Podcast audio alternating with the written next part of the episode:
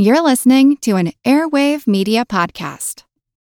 Say goodbye to your credit card rewards. Greedy corporate mega stores, led by Walmart and Target, are pushing for a law in Congress to take away your hard earned cash back and travel points to line their pockets. The Durbin Marshall credit card bill would enact harmful credit card routing mandates that would end credit card rewards as we know it. If you love your credit card rewards, tell your lawmakers hands off my rewards. Tell them to oppose the Durbin Marshall credit card bill. The world is constantly changing and transforming. Cut through some of the noise with What's New with Wired, a podcast that goes in depth on the latest news and technology and culture. Their award winning journalism will help you make sense of what's happening in the world. Listen to What's New with Wired wherever you get your podcasts. That's What's New with Wired wherever you get your podcasts. This is Kick Ass News. I'm Ben Mathis.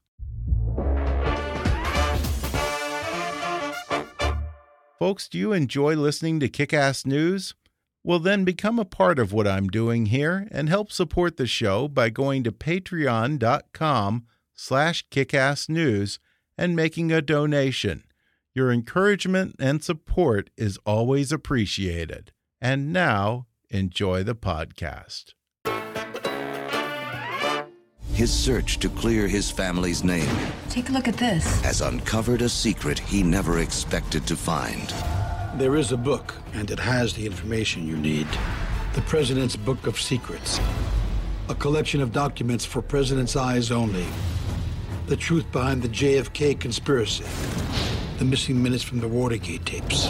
And of course, Area 51. The only way you'll ever see that book is if you get elected president. I'm gonna kidnap the President of the United States. National Treasure Book of Secrets. Um, that was the pretty awful sequel to American Treasure called American Treasure 2 Book of Secrets, made in 2007 on the downward side of Nicolas Cage's acting career. The MacGuffin of the movie is a presidential book of secrets that contains all the most sensitive national secrets and conspiracies in America's 240 year history. It's kept hidden from the public under lock and key, reserved exclusively for the eyes of the 44 men who've served in the White House. The only problem is that, despite what you may have heard or seen on History Channel or The Alex Jones Show, there is no such thing as the President's Book of Secrets. Or is there? Well, there's sort of a President's Book of Secrets, although it's less of a book and more of a daily newsletter with a very exclusive readership. It's classified top secret, and it does contain highly sensitive information. And ever since the Kennedy administration, it's been published six days a week for one very special reader, the Commander in Chief. The President's Daily Brief, known in national security circles simply as the book, is a personalized daily report put out by the Directorate of National Intelligence summarizing what intelligence agencies consider to be the most crucial information for the president to know that day. Throughout much of its 50 year history, the PDB was an open secret in the White House and intelligence circles, but hardly ever acknowledged publicly. It's discussed at length in the very first book about the PDB, called The President's Book of Secrets The Untold Story of Intelligence Briefings to America's Presidents from Kennedy to Obama written by the intelligence officer who used to hand deliver the PDB every morning. His name is Dr. David Priess. He served during the Bill Clinton and George W. Bush administrations as a decorated intelligence officer, manager, and daily intelligence briefer at the CIA, as well as a desk officer at the State Department. Today, he'll talk about the history of this most top secret of documents, how it's tailored to each president's taste, and what kinds of secrets go into the book. We'll discuss the massive intelligence bureaucracy that goes into publishing what is essentially a highly classified daily newspaper created just for one customer. David will reveal what it's like to be the daily briefer who delivers the book every morning and meets privately with the commander in chief to discuss the most sensitive intelligence matters. We'll talk about which presidents blew off the PDB which presidents expected almost too much from it, and which presidents, like to get gossip on the bedroom antics of their fellow world leaders. Coming up with Dr. David Priess in just a moment.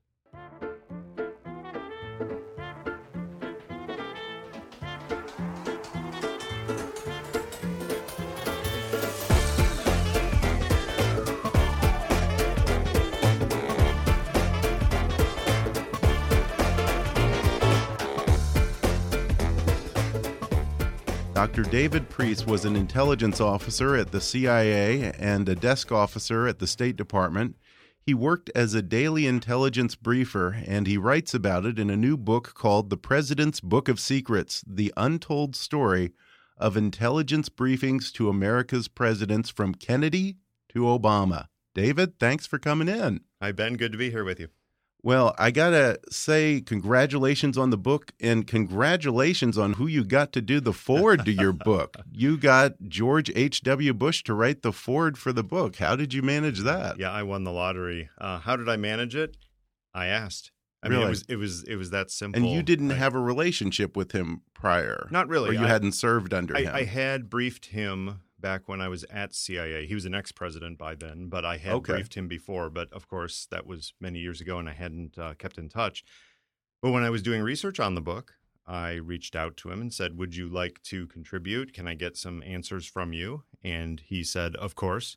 And he contributed to it. There's a lot of material in the book from him and all the other ex-presidents who contributed. But when I finished it, I went back and I said, you know, I would feel bad if I didn't ask. You're the only man who's been CIA director, Right. vice president, then president, and by the way, father of a president who also attended PDB sessions, uh, President's Daily Brief sessions for his son. I said I'd be a fool not to ask. Would you Would you be willing to? And the response was immediate. Yes, I want to. Wow, that's fantastic. Yeah. And I think you said in the book, he was probably the person who made the best use and appreciated the PDB Mhm. Best of all the presidents, Right. coming from that background. Yeah, he, he knew what intelligence could do. And he also knew what intelligence couldn't do. He knew the limits of intelligence. So he was someone who used the intelligence sessions, daily briefing sessions with CIA briefers. He used them to inform his policy, but he didn't make excuses when policy didn't work out by blaming the intelligence. Mhm. That's that's a sophisticated customer, somebody who uses it to the extent that it helps him, but does not use it as an excuse. Well, you know, the PDB, the President's Daily Brief, for much of its 50 year history, it was shrouded in secrecy. It was not something that was really publicly acknowledged outside of the White House and outside of intel circles. Um, really, only po post 9 11 has it become a subject of interest in the media. So, for anyone who still might not know, briefly tell us what is the President's Daily Brief? Sure. It's the title of the book gives it away The President's Book of Secrets. It is the book that goes to every sitting president every working day that contains the intelligence community's most sensitive intelligence reporting and analysis. Often it's about breaking events that day, or it's about things that could become breaking events, warning of crises or threats, or informing the president about opportunities coming up. And it traditionally it has been a book. It has been a printed document that contains six or eight stories a day with some variety about various places around the world that might be of interest to the president. It is the most tightly controlled document in the world because it does contain very sensitive information from classified sources. Lives are at stake if this were to be leaked, which it never has been. But if an entire PDB were to be leaked, it would be a very dangerous thing. So it is kept very, very carefully under control. The President's Daily Brief has changed over time, but the things that are the same are in the very name of it the President's Daily Brief. It's for the President, it's tailored to the personality and the style of the sitting President. It is a daily document, comes every 24 hours, and it is brief. It is only a few articles. It President doesn't have time to read hundreds of pages every day on intelligence. And prior to JFK, there was no such thing as a physical brief that was handed to the president every morning. How did it evolve into what we call now the President's Daily Brief? Sure. Going back to FDR, he ran World War II and he got intelligence, but it was very loose. Wild Bill Donovan of the OSS would pass him memos and reports, but it wasn't focused on the president. Harry Truman did start getting a daily document, the daily summary from CIA when it founded, but it was not personally focused at him. That is, it wasn't written to his personal style. That really started under John F. Kennedy. They started writing a product for him called the President's Intelligence Checklist, shortened to the Pickle. and they wrote it specifically for Kennedy. He was a former journalist. They wrote it in a journalistic, casual style without all the classification markings that was all over all kinds of other documents. And because of that, he loved it. And he would carry the thing around with him and he would react to it, task things based on it to other officials. It ended up morphing into the president's daily brief for his successor, Lyndon Johnson. But that was really the start of presidentially focused intelligence. And when you say that they tailor it to each president, hmm. in what ways have they tailored it? Is it knowing what gets their attention, what form it should come in that, that they best understand or more likely to read or, or engage with? It's all of that. Yeah. It's it's the content and it's the format. In terms of content, some presidents have wanted more or they've wanted different kinds of things in their book. And so it's changed over the years. In terms of format, depends on what the president's style is. John F. Kennedy got his so that it was small enough he could fold it in half, put it in his suit coat pocket, carried around with him during the day because he was unwilling and apparently unable to sit still for hours to read intelligence. By the time it got to Richard Nixon, a lawyer, he ended up getting it bound on the top like a legal brief with fact and opinion separated out. Now, President Obama gets his on an iPad. They've changed it Yeah. from a physical printed book to electrons on a screen. it's still intelligence analysis, it's still top secret information, but it is tailored to the president depending on their style and their preferences. Uh, Have there been presidents who have been less engaged Mhm. than others? There certainly have. In some cases, it's a matter of whether they read the book or they take a briefing. But a little bit too much is made of that. People think, oh, if somebody doesn't take a briefing, they don't care about the intelligence. Um, criticisms have been thrown at President Obama for that. Right. But Ronald Reagan never took an in person briefing from a CIA officer. For eight years, he read the book and then talked to his national security advisor about it. That's not really the measure of whether they take the intelligence seriously. The one person we don't think took it that seriously was Richard Nixon. By all accounts, he was not a fan of the CIA, especially the analytic side. And the intelligence that he was getting from them, reporting on world events, he seems to have disparaged and dismissed more than incorporated it. But the thing is, we don't know exactly what he did with it because he's not talking anymore. Yeah. He didn't reference it much in his own writings.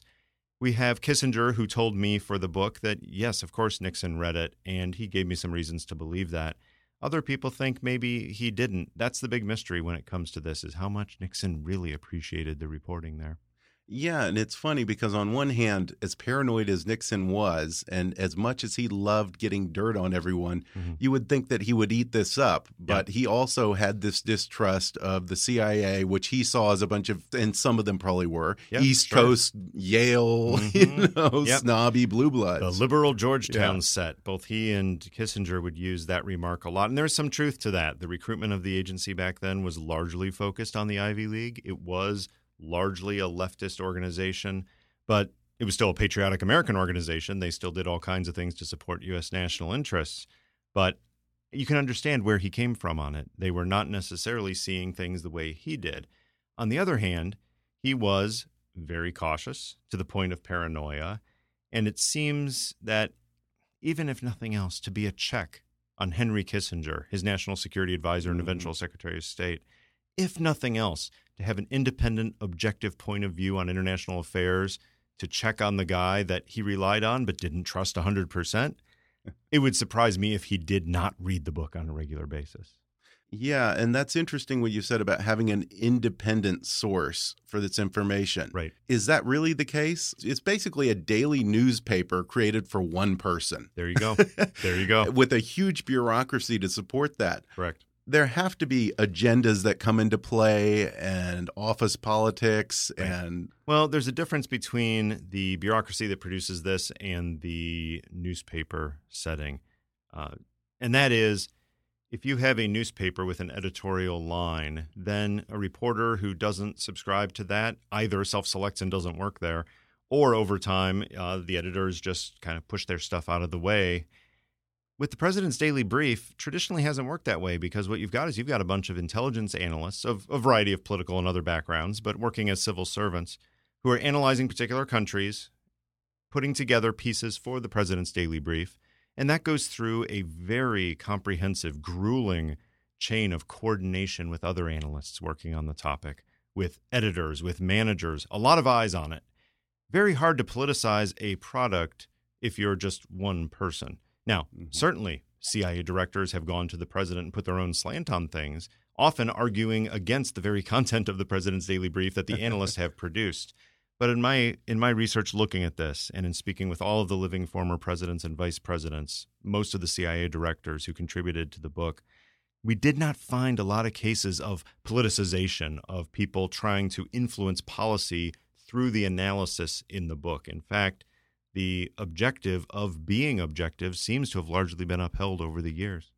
Um, so you don't have any cases where, say, like during the George W. Bush administration, some people in the agencies were pushing uh, weapons of mass destruction or no any, anything similar to that in that case and and thankfully or not depending on how you look at it we had the WMD commission that looked mm -hmm. intently right. at the issue of what happened before the assessments about Iraq's WMD they assessed that there was no politicization that is analysts were calling it like they saw it they were just wrong Mm-hmm. They looked at all the information they had. They looked at the history of Saddam Hussein. They looked at the things he was doing with having the inspectors come in the front door of a facility and having people running out the back door with files and boxes.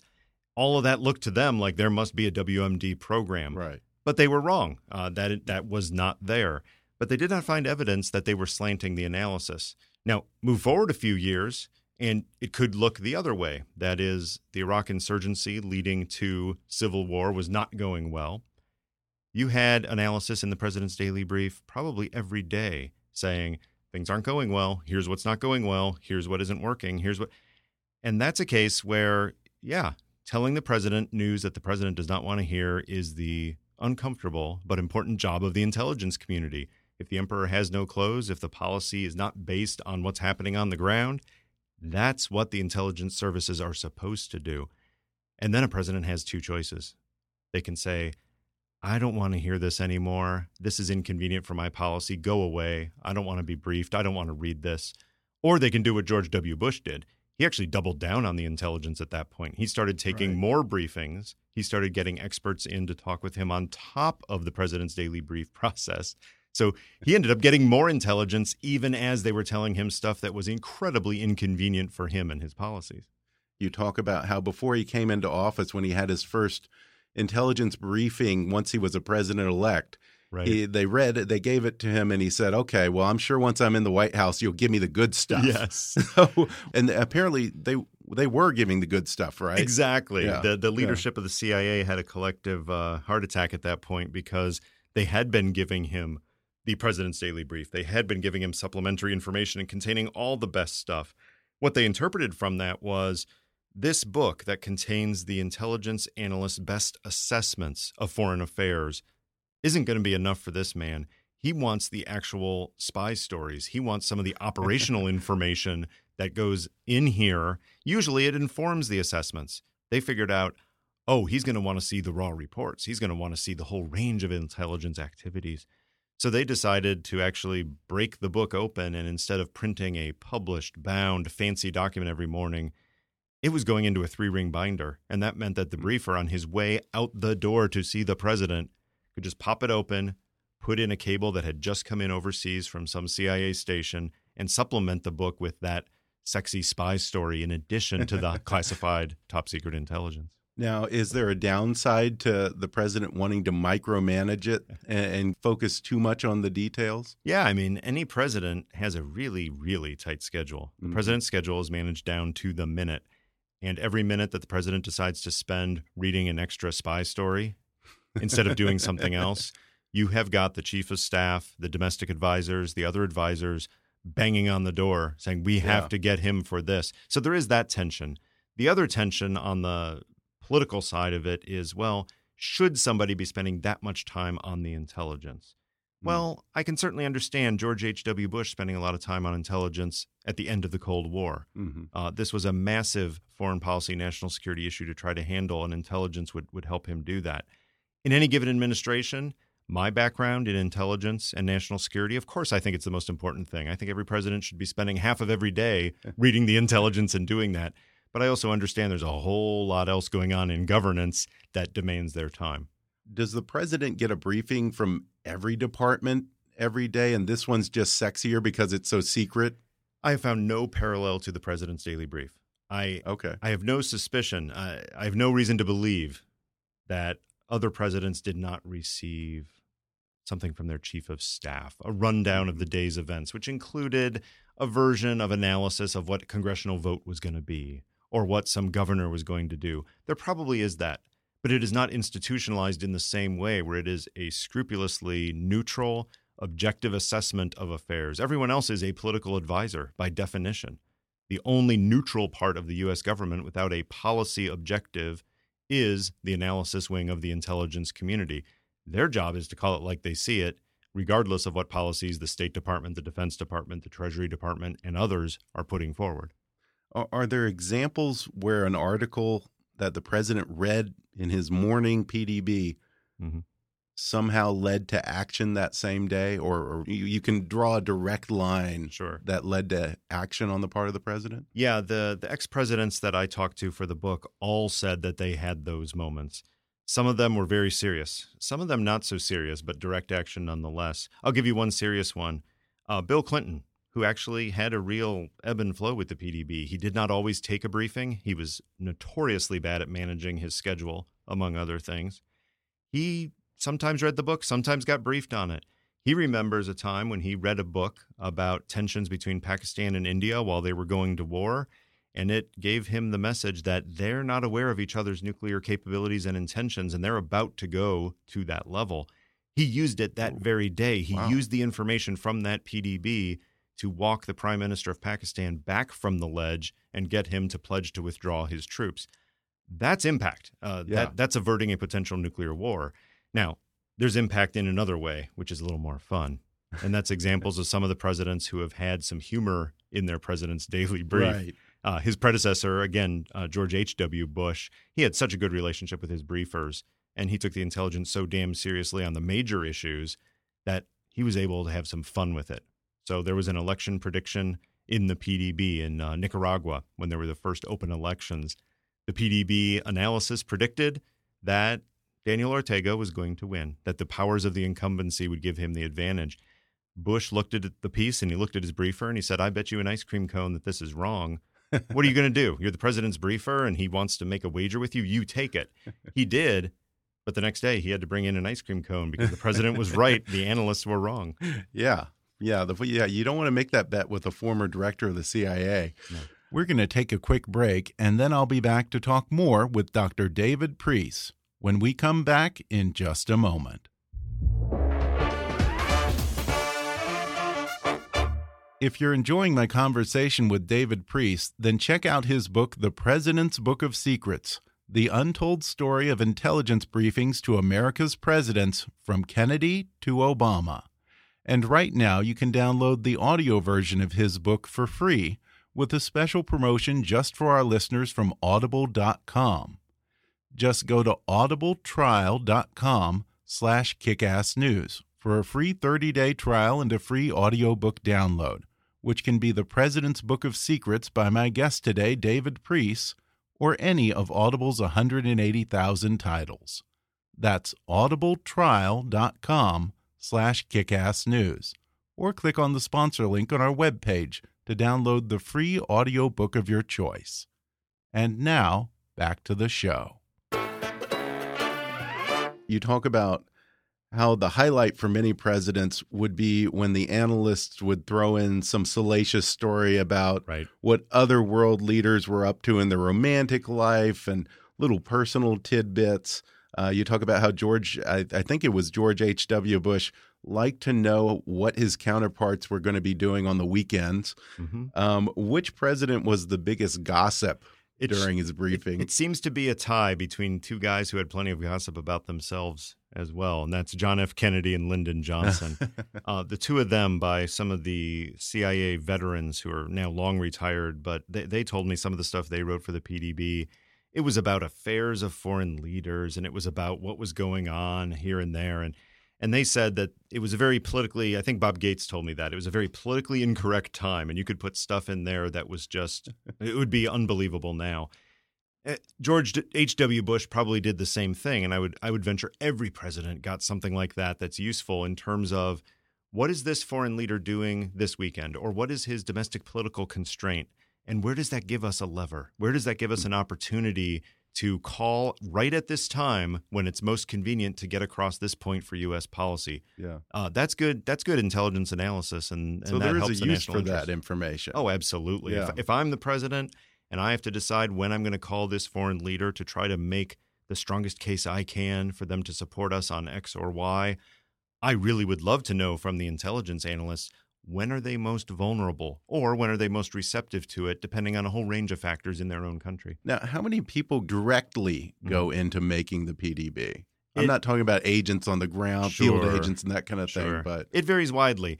You can interpret it one way as the entire intelligence community does. That is, Sure. right now, at least for the past 10 years since the Office of the Director of National Intelligence has taken over the PDB process from the CIA, anyone in the intelligence community can write for the PDB. And if you're an expert on a particular country that's being written about for the PDB, it doesn't matter what agency or department you're in, you get to coordinate on that product Mm. to make sure the president gets the benefit of all of the experts in the community. So any given piece on any given day could have dozens of people who are involved in crafting it and, and honing it. On the other hand, if you're the analyst on some country in Africa that does not have a lot of people analyzing it, you might have the ability to write a piece for the president, have it edited, touched on by a few people, but essentially go to the president with your words going right into his eyes. Uh, that that's a lot of impact. Nothing goes directly to the president without editing and without managers. It's going to be looked at, but it is a process whereby the experts get their opinion across to the leadership.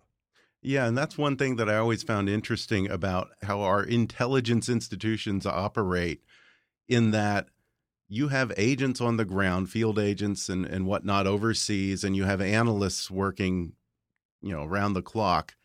And within a day, Right. that field agent in Hungary or in Right. Pakistan or wherever, they can come up with something that ends up right there with the president's breakfast in the morning, the very next morning. That's, right. amazing. That's right. There's a story in the book going back a couple of decades, back to Ronald Reagan, where there was a assassination in India of the prime minister, and it happened overnight, Washington time, and that's the kind of thing that is very hard to get ahead of. Mhm. Well, guess what? They called the analyst in, oh dark 30 in the morning. They write up an assessment not only of what has happened based on very limited press reports, but who could have done it? What does it mean? What's the likely reaction? What are you going to see today?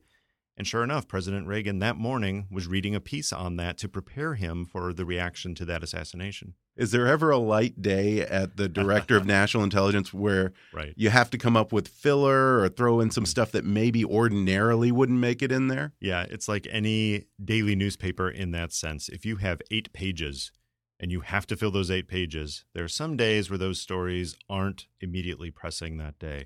But there are enough issues with 197 countries around the world and various functional and transnational issues. There's always something the president can benefit from. But then the opposite happens. There are some days when there's so much going on. There's crises in three different places around the world Yeah. that you can't get everything into the president's daily brief. I have to tell you, the president's daily brief is the focal point for intelligence analysis for the president at the highest level. But it is not the only channel. The White House mm-hmm. Situation Room gets raw reporting to the president. National Security Advisor for any president has the ability to call him or walk in at any point with a national security crisis.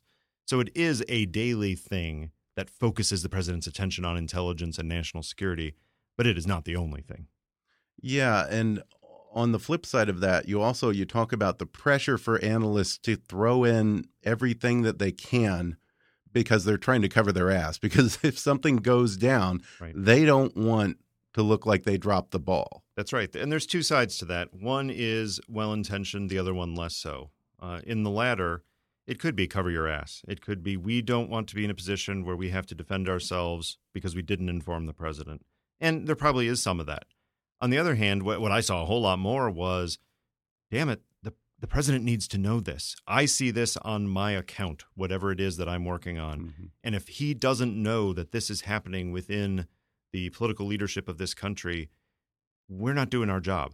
Uh, the whole reason we have this intelligence collection, the whole reason we have this intelligence analysis is to help narrow the range of uncertainty for the president who has to make some pretty damn tough decisions on a daily basis on national security. I saw a whole lot of people working really hard, fighting, yelling at editors and managers. This has to get in the PDB. How can you not put this in front of the president? And usually, in that battleground of ideas, the best ideas did float to the top, and the president did get what he needed to know. Yeah, and uh, that came into play after 9 11. Right. And that's really how the PDB became fairly publicly acknowledged for the first time you know, in, in mainstream media. Sure. Talk about what happened there. Yeah, it had been discussed before that. You can even find a picture from the late 1960s, uh, which I have in the book as well, of Lyndon Johnson and his wife and one of their grandkids sitting and reading a document that clearly says President's Daily Brief on the front. Even at a time when it wasn't universally acknowledged that the president was getting this, it was pretty clear. Kissinger referred to it in a press conference in the early 70s. But it, it wasn't in the public consciousness. Mhm. 9 11 really brought that forward because there was a piece in August 2001, one of several pieces that day. And of course, the president is getting this book at least six days a week then. And it was called Bin Laden Determined to Strike in U.S. And it made a reference to hijackings. Now, it did not refer to the actual plot with hijackings, turned out to be reporting that was very different and did not come to fruition. But sure enough, the commission was going to investigate that, and they did. They got access to the president's daily brief in a way that had never happened in any other investigation before. Because of that, you had public hearings and you had the 9 11 Commission report published as a book, which talked explicitly about the president's daily brief, how it was produced, what kind of information was in there, and then specifically how it related to 9 11. Because of that, it really did open the book on this book, and the president's daily brief became an issue for public scrutiny in a way it never had before. Now, even though we call it the president's daily brief and it is specifically tailored to him and his attention, he's not the only person who sees the president's daily brief. That's right.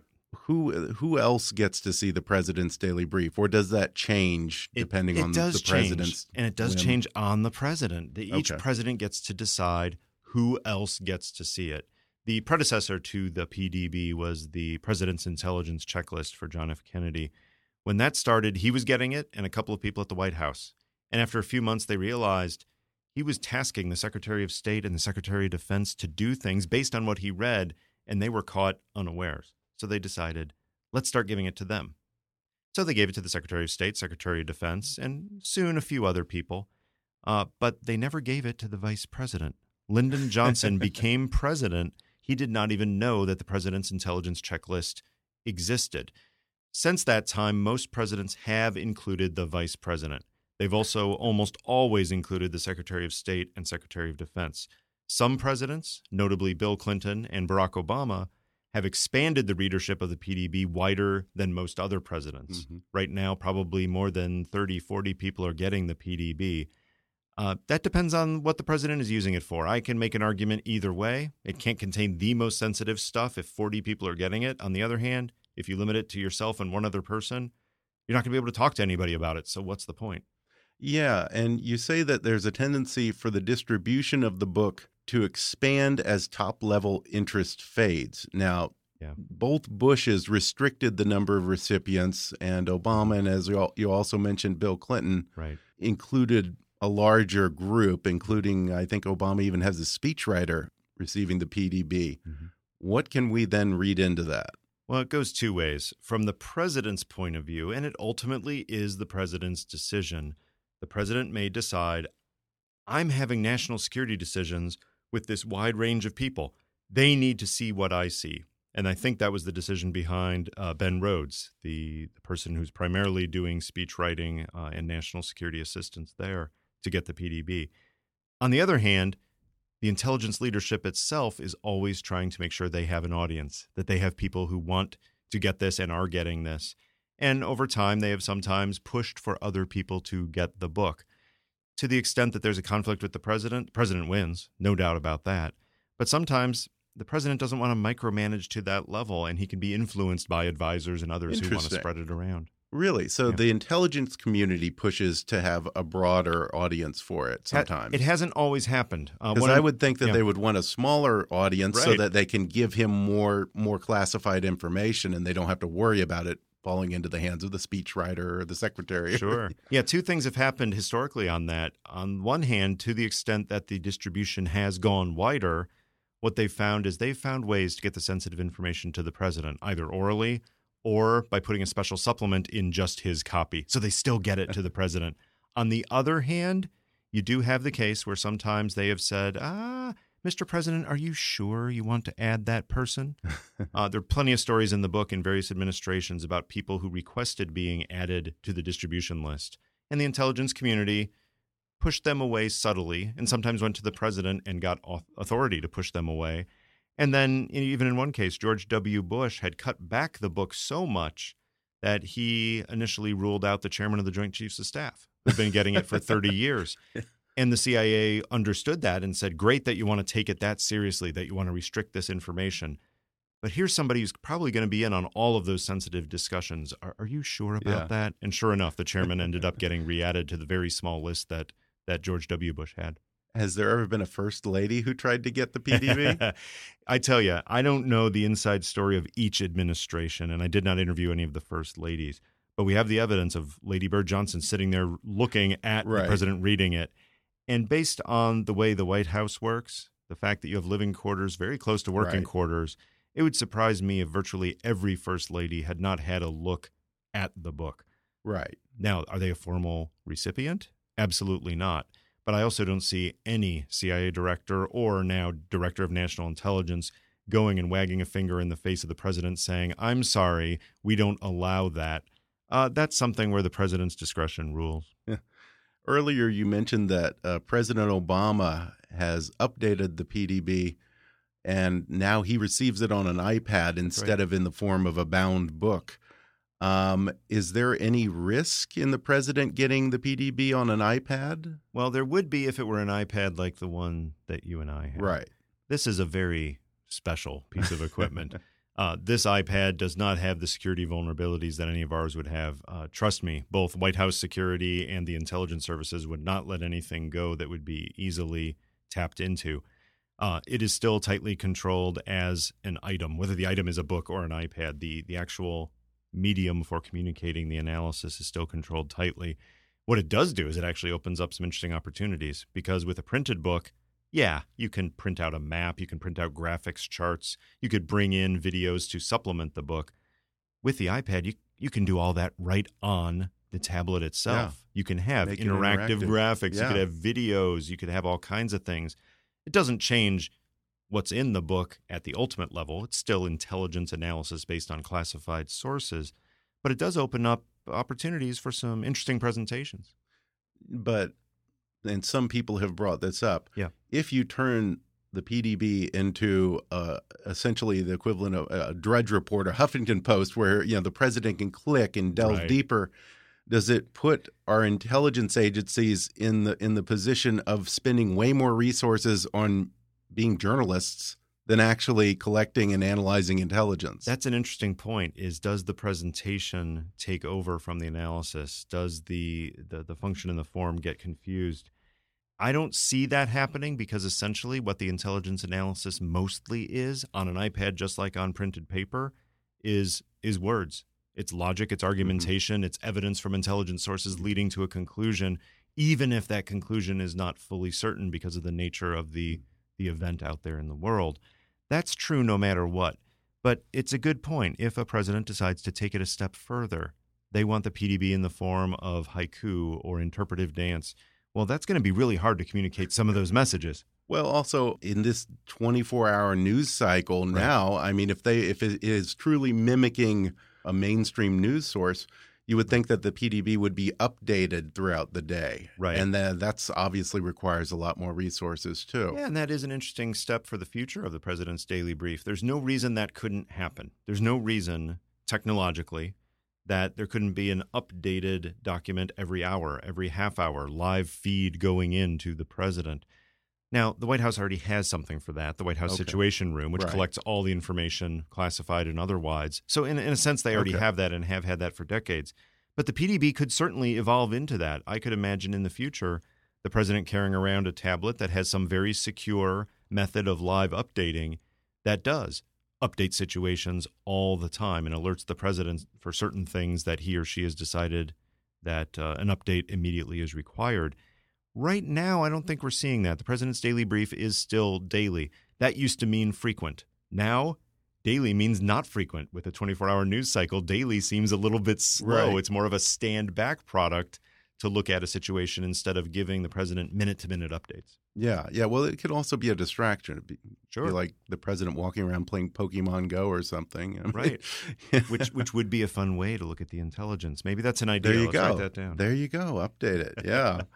um, I, I don't know if I, I necessarily made this clear in the beginning. Mm-hmm. There are two elements to it in most cases. There is the president's daily brief, Right. the book or the iPad that's delivered to him, and then there is the briefer and the president's daily briefing, which Right. you were one of the briefers Yes. who came and physically delivered it and then answered questions and had an interaction with the president. Many people feel that that itself is a waste of resources. Sure. You're using 12 of your best analysts, you're not sending in interns.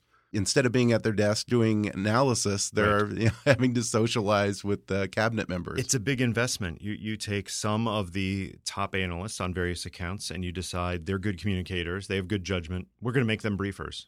Well, okay. Uh, they're the pointy end of the spear when it comes to intelligence analysis, getting that message to the customers. But you're right.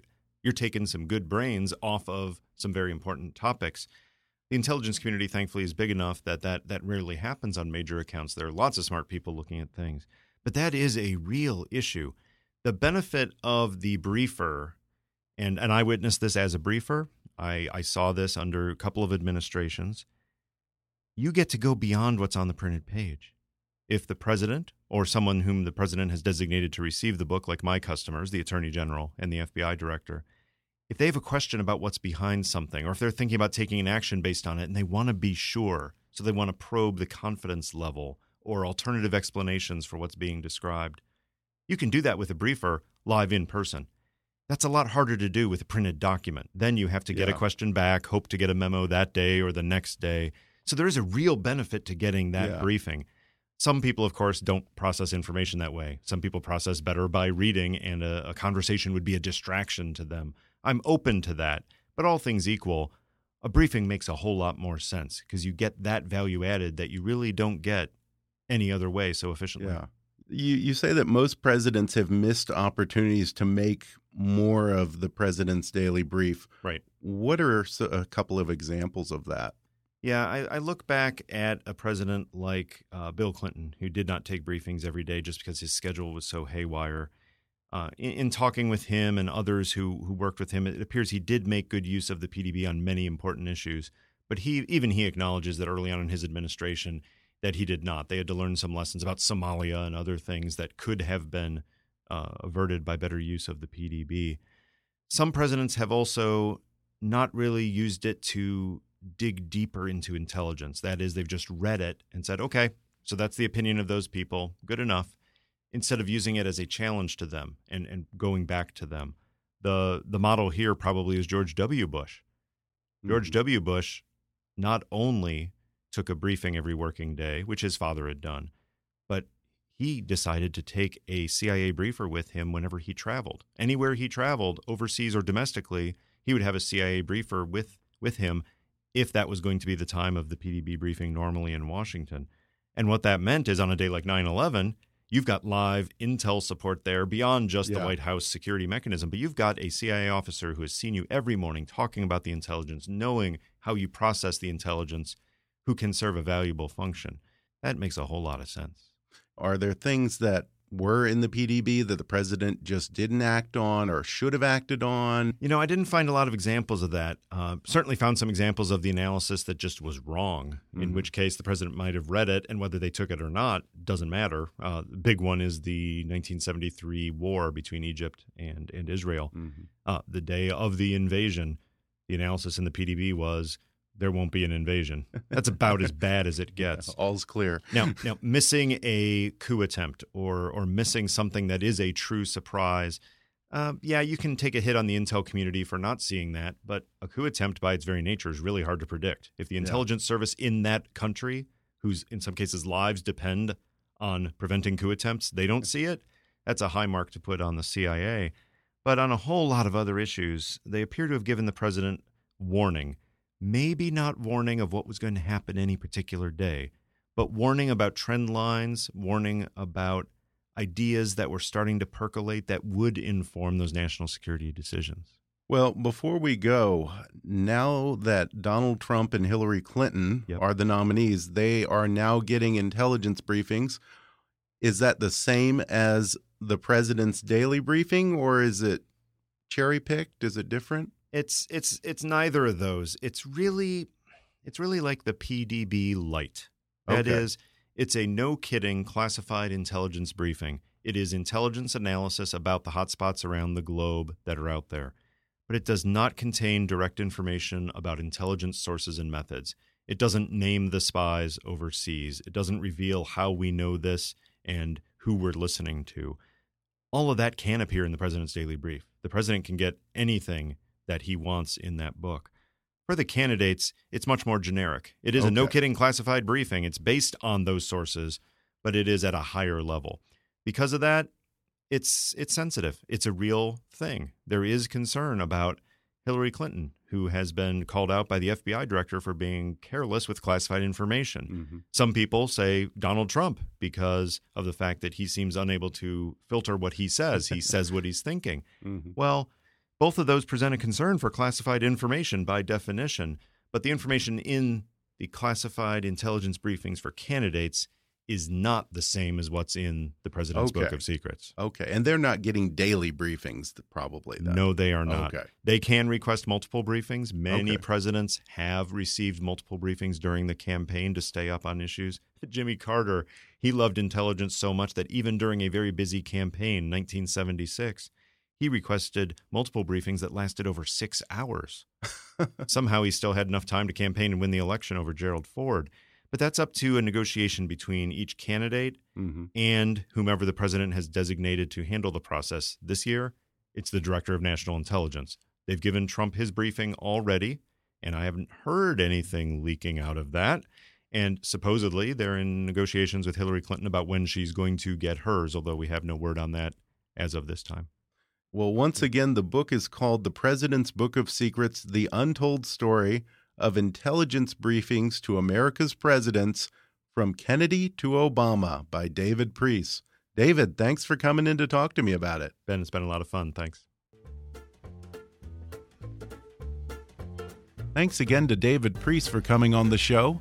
And if you enjoyed today's episode, then you'll love his new book, The President's Book of Secrets The Untold Story of Intelligence Briefings to America's Presidents from Kennedy to Obama.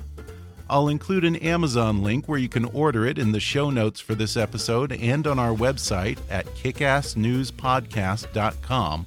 Or if you'd prefer to listen to the audio version, you can download that for free through a special trial offer just for our listeners at audibletrial.com slash kickassnews. You can follow David at his website at davidpriess.com, spelled P-R-I-E-S-S, or on Twitter at, at davidpriess. Be sure to subscribe to Kickass News on iTunes and leave us a review while you're there. And if you really want to help out, then donate to our GoFundMe campaign at gofundme.com slash kickassnews. Or if you prefer, you can set up a recurring monthly contribution at patreon.com slash kickassnews. You can visit Kickass News on Facebook or follow us on Twitter at, at KAPolitics. And please be sure to recommend Kickass News to all your friends on your social media. As always, I welcome your comments, questions, and suggestions at comments at kickassnewspodcast.com. But for now, I'm Ben Mathis, and thanks for listening to Kick Ass News.